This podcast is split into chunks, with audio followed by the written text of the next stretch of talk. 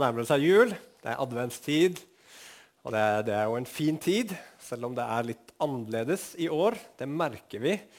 At alt blir så rart. Vi dette, savner dette sosiale som eh, det ofte blir mer av i adventstiden, og som ofte er en fin motvekt til det mørke som, som det er uh, ute når dagene blir korte og nettene blir lange. Men det er utrolig godt at vi uh, i hvert fall kan komme sammen her og få høre Guds ord og få lov til å rette blikket vårt oppover. Få kontakt med Han, fellesskap med Han. Der er det ingen begrensninger. Der er det åpent. Der kan vi komme og komme så nær vi bare vil. Det er ikke noe én meters avstand med Gud. Vi skal uh, holde oss eh, litt i julefortellingen nå som det er advent. Og Jeg lovte vi skulle være litt i Lukas kapittel 1, og der skal vi fortsette. Har du med deg Bibel i dag, så kan du slå opp i Lukas kapittel 1. Og så skal vi lese fra vers 39 til 57, eh, unnskyld, 56. Og det er historien om da Maria besøkte Elisabeth. Og der står det Lukas 1, 39-56. I de dager la Maria i vei og dro i hast opp til høylandet, til en by i Juda. Og hun kom inn i huset til Zakaria og hilste på Elisabeth. Og det skjedde da Elisabeth hørte hilsenen fra Maria, at barnet sparket til i hennes mors liv. Og Elisabeth ble fylt med Den hellige ånd og ropte med høy røst og sa:" Velsignet er du blant kvinner, og velsignet er frukten av ditt mors liv. Men hvorfor er dette gitt meg, at min Herres mor skulle komme til meg? For se, med det samme røsten av din hilsen lød i ørene mine, sparket barnet av glede i mitt mors liv. Salig er hun som trodde, for det som ble talt til henne av Herren, skal bli fullført.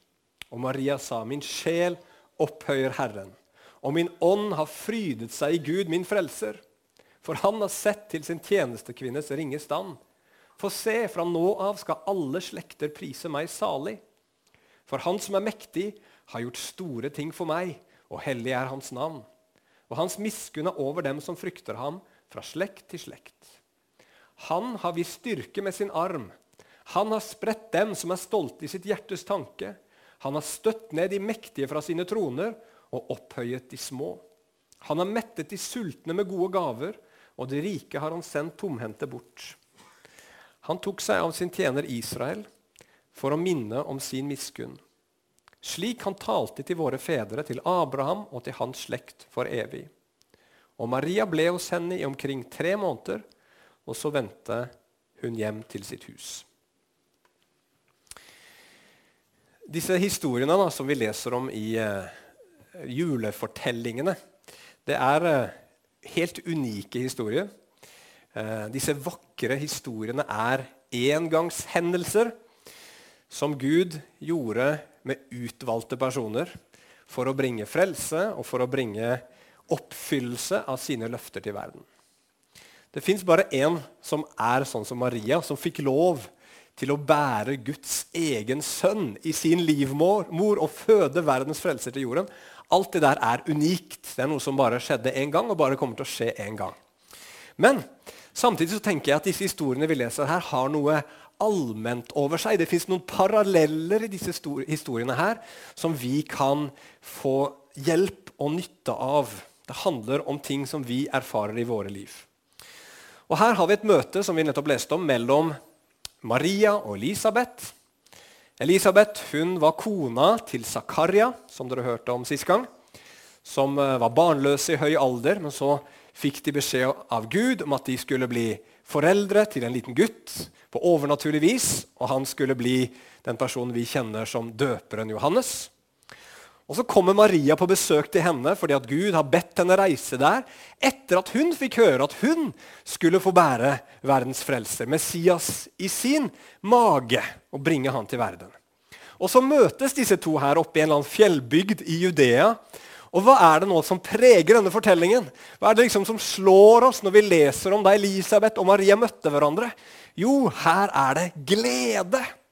Masse glede. Og i dag så har jeg lyst til å snakke om det. Jeg har lyst til å snakke om uvanlig glede i vanlig liv.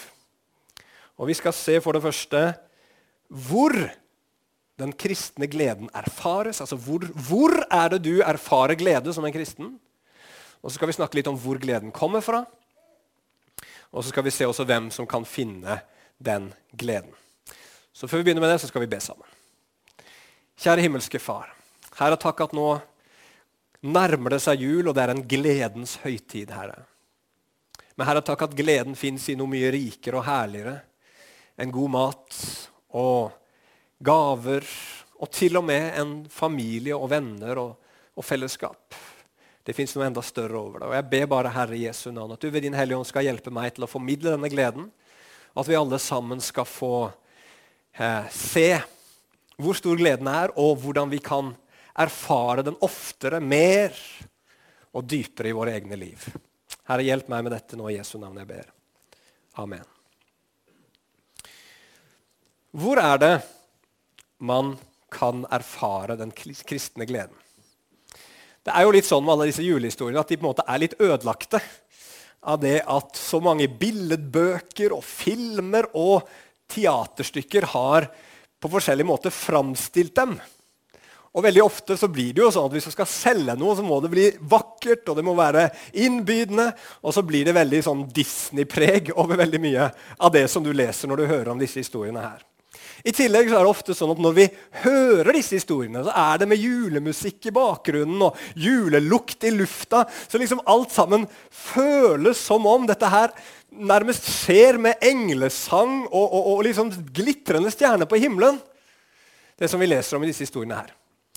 Men det som jeg tror er veldig viktig å se, det er at det som vi hører om her, og det som vi leser om når vi leser alle disse historiene som er knytta til julen, det var at det var helt vanlige ting som skjedde. Hvis du hadde vært flue på veggen hos Elisabeth og Maria og sett denne episoden, så hadde det sett helt normalt ut. Det var mye glede, ja, men det var ikke noe englesang, det var ikke noe bjelleklang, det var ikke noen spesielle stjerner på himmelen. Det var bare noe helt vanlig. Det var en ordinær dag i livene til Elisabeth og Maria. Det var helt vanlig, det var hverdagslig, akkurat sånn som livet ditt er også. Og det som jeg har lyst til å si til å begynne med, det er at kristen glede den gleden Gud vil at du og jeg som kristne skal erfare, den erfares i det helt vanlige. Det ordinære, det normale. F.eks. når Paulus sier i Filipperne 4,4.: Gled dere i Herren alltid. Det ordet der 'alltid', hva slags dager er det mesteparten av tiden? Hverdager, normalt liv, hverdagslige situasjoner. Og det er her vi alltid skal finne gleden vår i Herren. Så tror jeg også at vi kan se for oss at det fins en viss uro og en viss bekymring over denne situasjonen. her. Bare tenk på Maria, som eh, har fått beskjed av engelen om at hun skal bli gravid, skal føde eh, Guds sønn uten å ha vært med noen mann. Og hun vet at nå er det ikke lenge før den magen kommer til å vise seg. Ikke lenge før hun skal måtte reise tilbake til Nasaret og treffe innbyggerne i landsbyen, sine egne foreldre, og ikke minst Josef. Og på en eller annen måte forklare hvorfor hun er gravid når hun verken er gift, og Josef vet at det er ikke han. Det fins en viss usikkerhet her. Og i tillegg, hvis vi ser på hele historien under ett, så er det jo sånn at både døperen Johannes som Elisabeth har i magen sin, og Jesus, som Maria har i magen sin, kommer en dag til å bli drept av onde mennesker. Og så er det her altså rik glede midt i noe som for det første er veldig hverdagslig, og som samtidig inneholder elementer av det smertefulle og vanskelige og krevende med det å være menneske. Men her er det Gud vil at du og jeg skal erfare gleden. Men vet du hva? Jeg tror vi mennesker har en tendens til å tenke motsatt av hvordan Gud tenker. Vi tenker at gleden kommer når jeg kommer ut av det vanlige. Derfor sitter vi her og gleder oss til jul, for da skal vi ut av det vanlige. Derfor sitter vi og gleder oss til feriene, for da skal vi ut av det vanlige. Og da kommer selvsagt gleden. Men det er jo veldig ofte sånn at eh, når jula kommer, og når feriene kommer, eller hva det skulle være, så, så svarer det ikke alltid til de forventningene om glede som vi har, for det første. Og for det andre så varer jo ikke den gleden så lenge, da. Altså en ukes ferie, en ukes juleferie, hva det enn skulle være. Den, den gleden den, den, den varer bare en kort stund. Det vanlige, hverdagslivet kommer hele veien tilbake igjen. Og jeg tenker at Vi som kristne også kan leve i en sånn nesten kristen versjon av den forventningen at det er det uvanlige som skal gi oss glede. Vi drømmer sikkert mange av oss om et liv hvor Guds kraft og Guds overnaturlige virksomhet er mer synlig i livene våre. Og for all del, la oss be om det. Det er ikke så at vi har for mye av det. Vi kan gjerne få mer. Absolutt. Men selv Jesus gikk bare på vannet én gang, mens til vanlig tok han båt. Jesus han, han multipliserte brød og vin. Eh, eh, eh brød og fiske, mente jeg. ok. Det er nattverd etterpå også.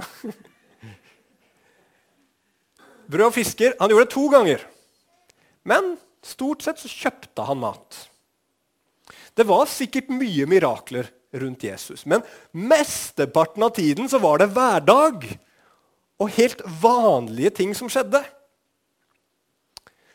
Så Det betyr at det, normale kristenlivet er et, ligner ganske mye på et normalt liv. Selv for Jesus gjorde det det. Og For det andre så er det til og med sånn at Jesus advarer oss mot å ha vår glede i de overnaturlige og uvanlige tingene. Han sier, 'Gled dere ikke over dette', sier han at demonene er dere lydige. Men vi skal ha vår glede i noe annet, som er der hele tiden, i det vanlige og det normale. I tillegg så har vi en tendens til å be Gud om at han skal fjerne vanskeligheter og smerte fra livene våre, og tenke at hvis bare det går bort, så skal vi nok være lykkelige og bli glade. ikke sant? Og igjen Be om det. Det er lov, og det er godt, og det er rett. Og Gud vil at vi skal be om det som er vanskelig og krevende. At han skal helbrede, at han skal gripe inn i vanskelige situasjoner. Og det vil han også, for han har omsorg for oss. Men det er jo allikevel sånn da, at selv friske mennesker kan bli deprimerte, og er det. Selv mennesker som ikke har noen økonomiske problemer, har fryktelig lite glede i livene sine og mennesker som opplever at alt går deres vei, de er allikevel ikke lykkelige. Så ekte kristen glede, det vi ser her, og det som Bibelen snakker om hele veien nå, det er en glede som ikke handler om ytre omstendigheter. En glede som er dypere enn som så, og som har en annen kilde. Og hvor kommer denne gleden fra? Hvor kommer kristen glede ifra? Som jeg sa i stad, det er mye glede i den scenen her. Altså, Du har Elisabeth som er glad. Maria er glad. Og selv lille Johannes i magen på Elisabeth, han er glad! Tenk på det. Hvorfor all denne gleden? Jo, Jeg tror det er to svar på hvorfor de er glade her. Og jeg tror de to svarene er veldig relevante også i vårt liv. For det første de er glade pga. Jesus. Det er Jesus som gjør dem glade. Elisabeth er glad for å få se sin slektning Maria, men hun er mest glad pga. at hun bærer Jesus inni seg. Frukten av ditt mors liv snakker hun om. Min Herres mor skal komme til meg. Gleden er så stor fordi Jesus er der. Maria gleder seg også over at hun, så ubetydelig som hun er, skulle få lov til å bære Jesus fram til verden. At hun har fått gitt dette ærefulle oppdraget å være en bidragsyter i at Gud skulle få oppfylle sine løfter som han hadde gitt fra Abrahams tid og framover. Så det er det ene. De er glade over Jesus.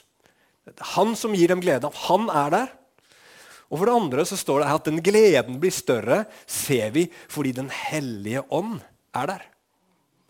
Det ser, ser, vi veldig tydelig. Det står at Elisabeth ble så fylt av Den hellige ånd at hun ropte. Det kunne vi hatt litt mer av på møtene våre. Altså, eller rop. Det er greit, det, vi går ikke i den grøfta. At det var litt mer lyd. Ikke fordi at liksom jeg, pastoren eller de eldste sa nå må vi litt, lage litt mer bråk, dere. Men fordi at det, spontant så, så kjenner vi på glede. Lille Johannes i magen Antageligvis er han også fylt av Den hellige ånd her.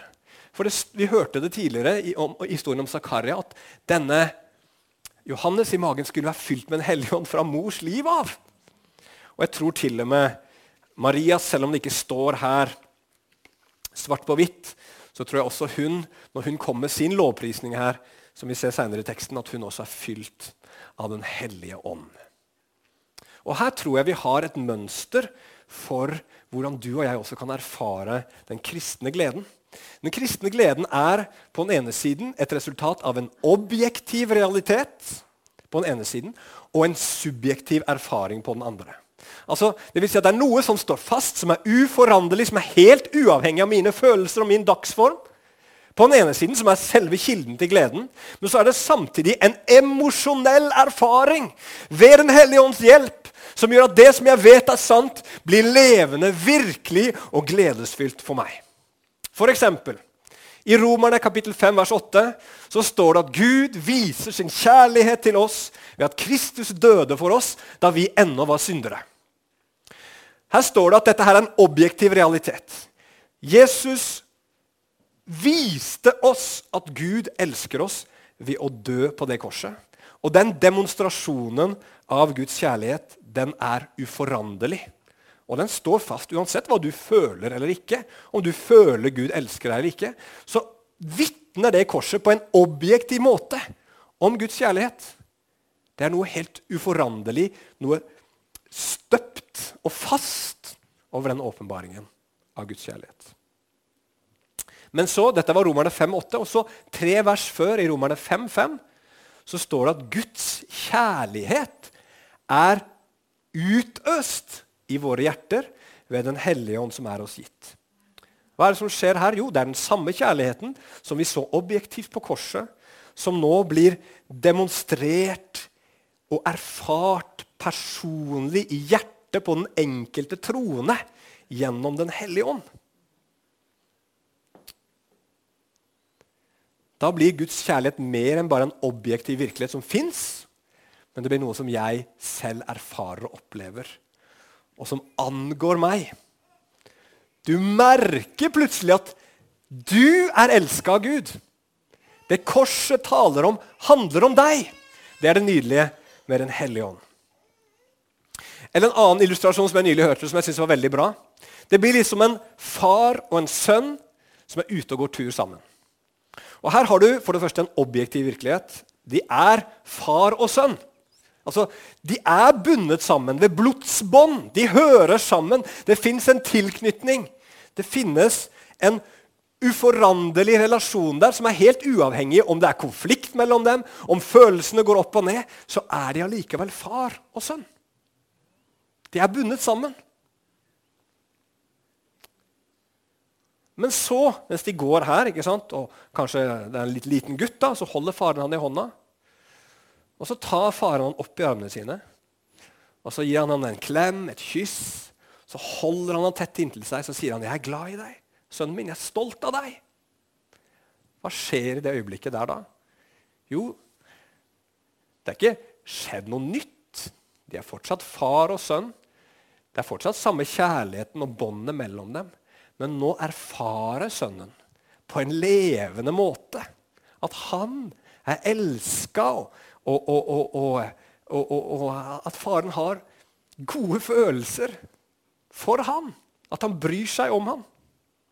Og så fyller det sønnen med glede og varme. Ikke sant? Her har du den objektive og den subjektive siden. Men det er klart, hvis det bare var en vilt fremmedmann som kom der og plukka opp denne gutten, klemte han og kyssa han og sånn, så hadde det ikke blitt det samme. Det er ikke bare erfaringen, det må også finnes dette båndet, den objektive realiteten må også finne der finnes der.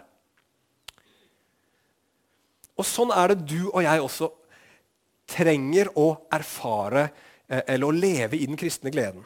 Altså Du trenger det objektive elementet, At det faktisk fins en virkelig Gud der som faktisk har åpenbart at han elsker deg gjennom å gi sin sønn Jesus på korset. Hvis ikke det fins den objektive virkeligheten, sånn som mange liberale teologer vil ha det til, så blir det som om når du er sulten om kvelden og går og legger deg og drømmer at du, at du spiser kjempegod mat, og så våkner du opp om morgenen så har du fortsatt ikke mat, og er like sulten og føler deg enda mer tom enn tidligere. Det nytter ikke å bare erfare hvis det ikke fins noen realitet bak. Ikke sant? Derfor så må det være virkelig det vi tror på. Og samtidig så trenger vi også å erfare det. At det blir levende for oss. At det blir personlig. Det må bli mer enn hodekunnskap.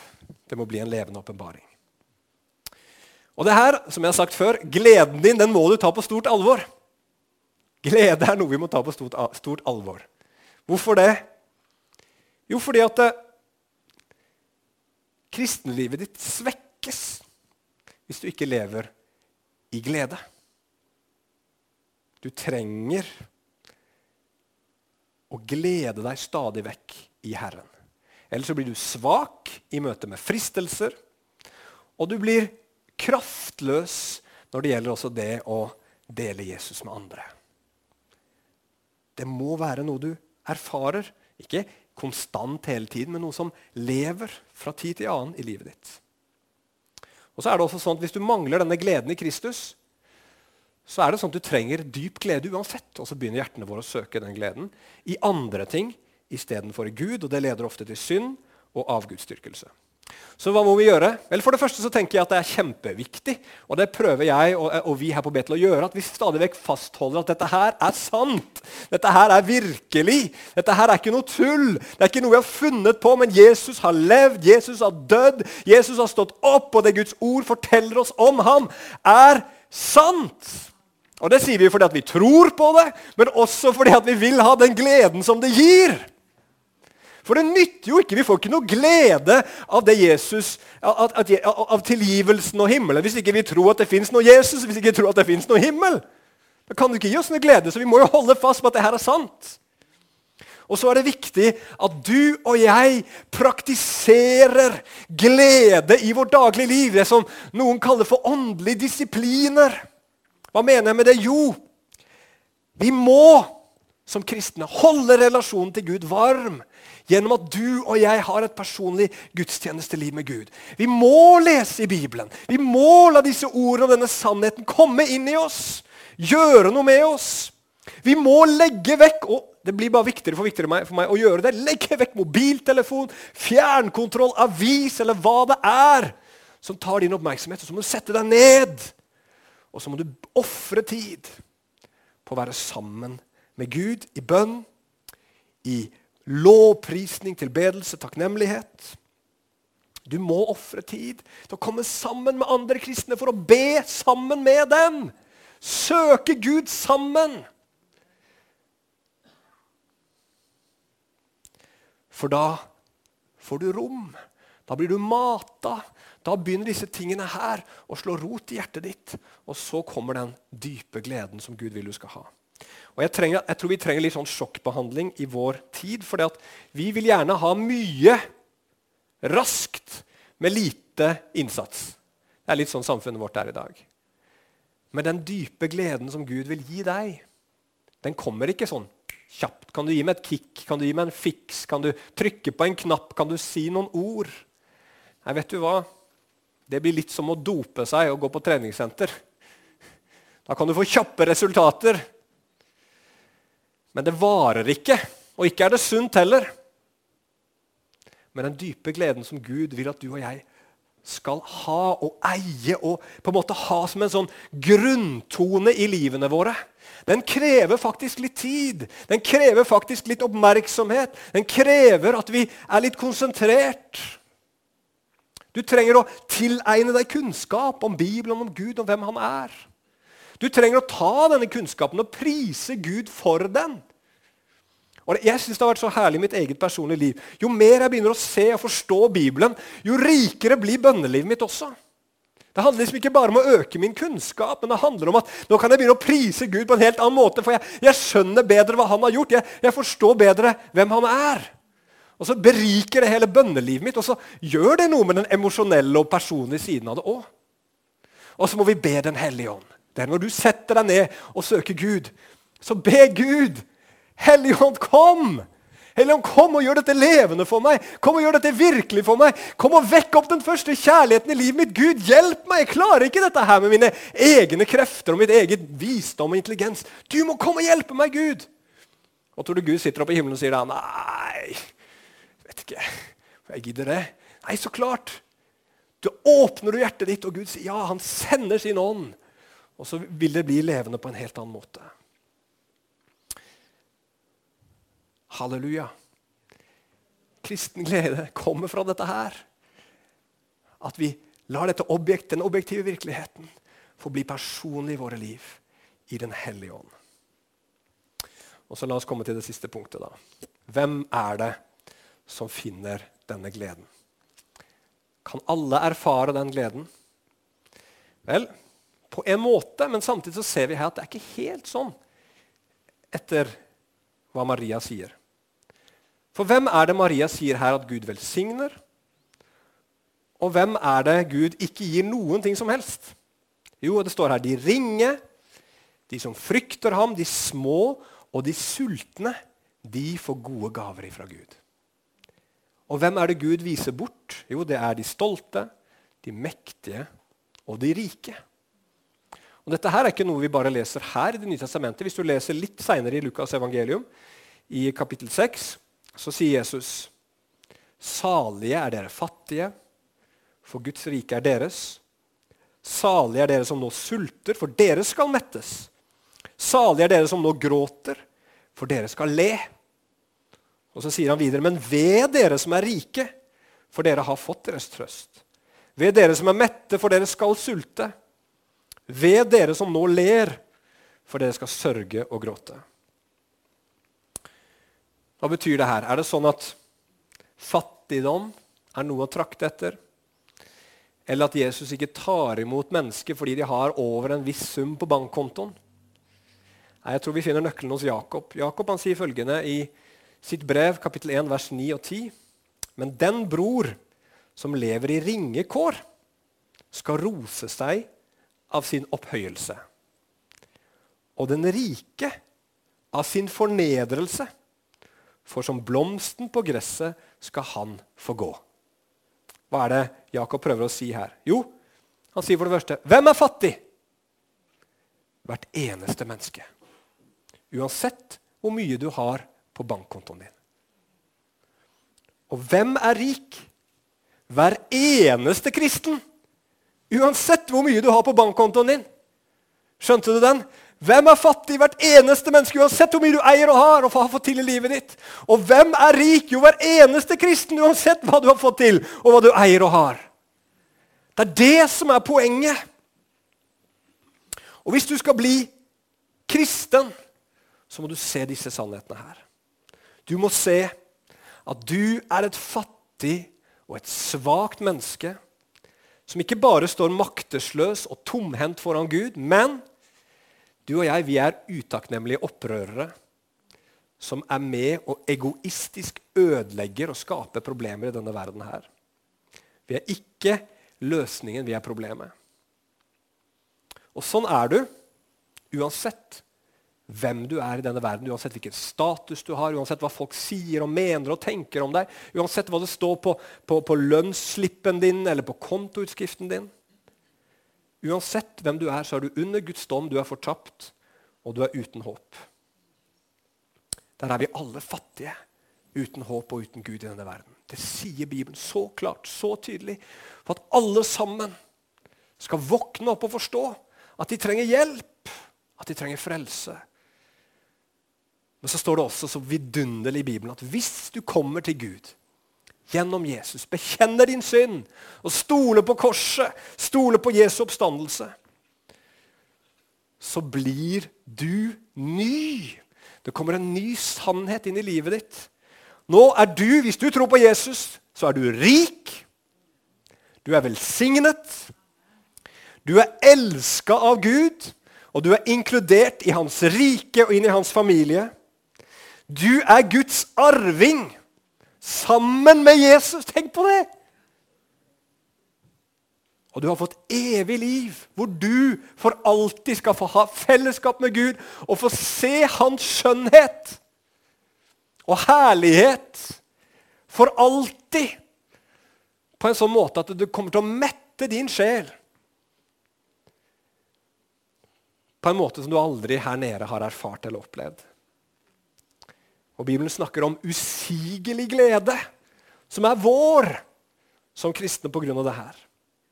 Og ikke nok med det, din synd er sletta ut. Dommen er annullert. Betalt én gang for alle av Jesus, din frelser.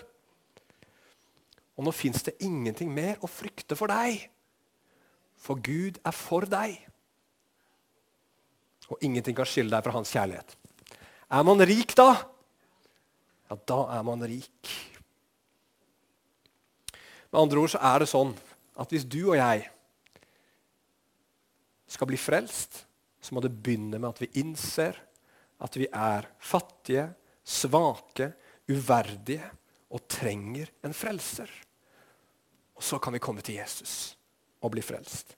Du kan bare få hjelp hvis du vil bli hjulpet. Det forteller evangeliet. Men så tror jeg også det her helt avslutningsvis er perspektivet du trenger å ha for å oppleve den dypere gleden. Det er nemlig sånn at gleden blir mindre jo mer du føler du fortjener, og jo mer du føler du har krav på. Så Hvis du vil ha lite glede, så må du tenke jeg fortjener mye, og jeg har krav på mye. Da får du oppleve mindre glede. Bare prøv det ut. Bare prøv det ut i forhold til ektefellen din. Hvis du tenker at å, jeg har krav på ditt og jeg har krav på datt, og jeg har krav på at han eller hun behandler meg på den måten, eller, eller i forhold til barna dine, jeg har krav på og, og, og, at de behandler meg og oppfører seg på den måten her kommer til å bli så misfornøyd. For du får jo på langt nær det du føler du har krav på. ikke sant? Men hvis du har det perspektivet som Bibelen forteller oss, at vi er uverdige, vi har ikke rett eller krav på noen ting som helst Da blir det noe annet. Vi fortjener enkelt og greit å gå fortapt. Hvis du våkner opp hver eneste morgen og tenker i dag så fortjener jeg å gå fortapt. Men jeg skal ikke gå fortapt. Jeg er frelst. Jeg har fått tilgivelse for mine synder. Jeg er på vei til himmelen. Da kan du få lov til å ta imot Guds nåde hver eneste dag som den overraskende og overveldende nåden som den er. En gave. Og Hver eneste morgen kan du stå opp og ta imot den gaven og tenke i dag så har jeg ikke fortjent noe som helst, men tenk! Tenk hva jeg har i dag! Tenk at i dag så er det sant at Gud ville frelse meg. Han elska meg. Tenk at han ville frelse en som meg! Det, bare, det må være en overraskelse. Du vet, når, når, når, lønn kommer inn på kontoen hver måned, så er det ingen som jubler og danser og hopper for lønninga kom inn. Selv ikke de som tjener mange ganger mer enn deg. Hvorfor ikke det? For vi vet at det er noe vi har krav på. Det er normalt. Vi har jobba for det. Ingen av oss her jubler spesielt mye over det gode norske velferdssystemet vi har. Selv om det er sikkert det beste i hele verden. Men for vi tenker det er normalt, det er noe vi har krav på. Men hvis du og jeg våkner opp hver morgen, og så sier vi til oss selv Tenk! Tenk at jeg, jeg er et Guds barn! Tenk at Gud ser meg akkurat nå og bryr seg om meg. Tenk at jeg skal få lov til å ha Jesus i meg, Den hellige ånd boende i meg.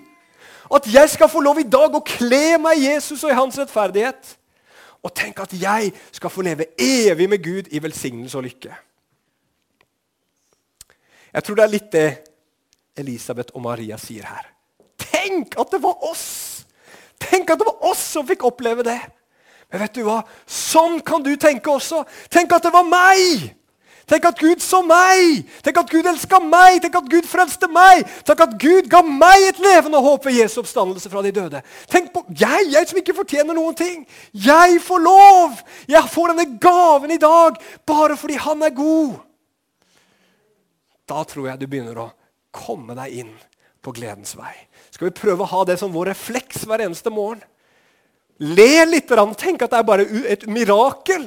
At du ble frelst. At du er et Guds barn. Og så begynner du i rett ende.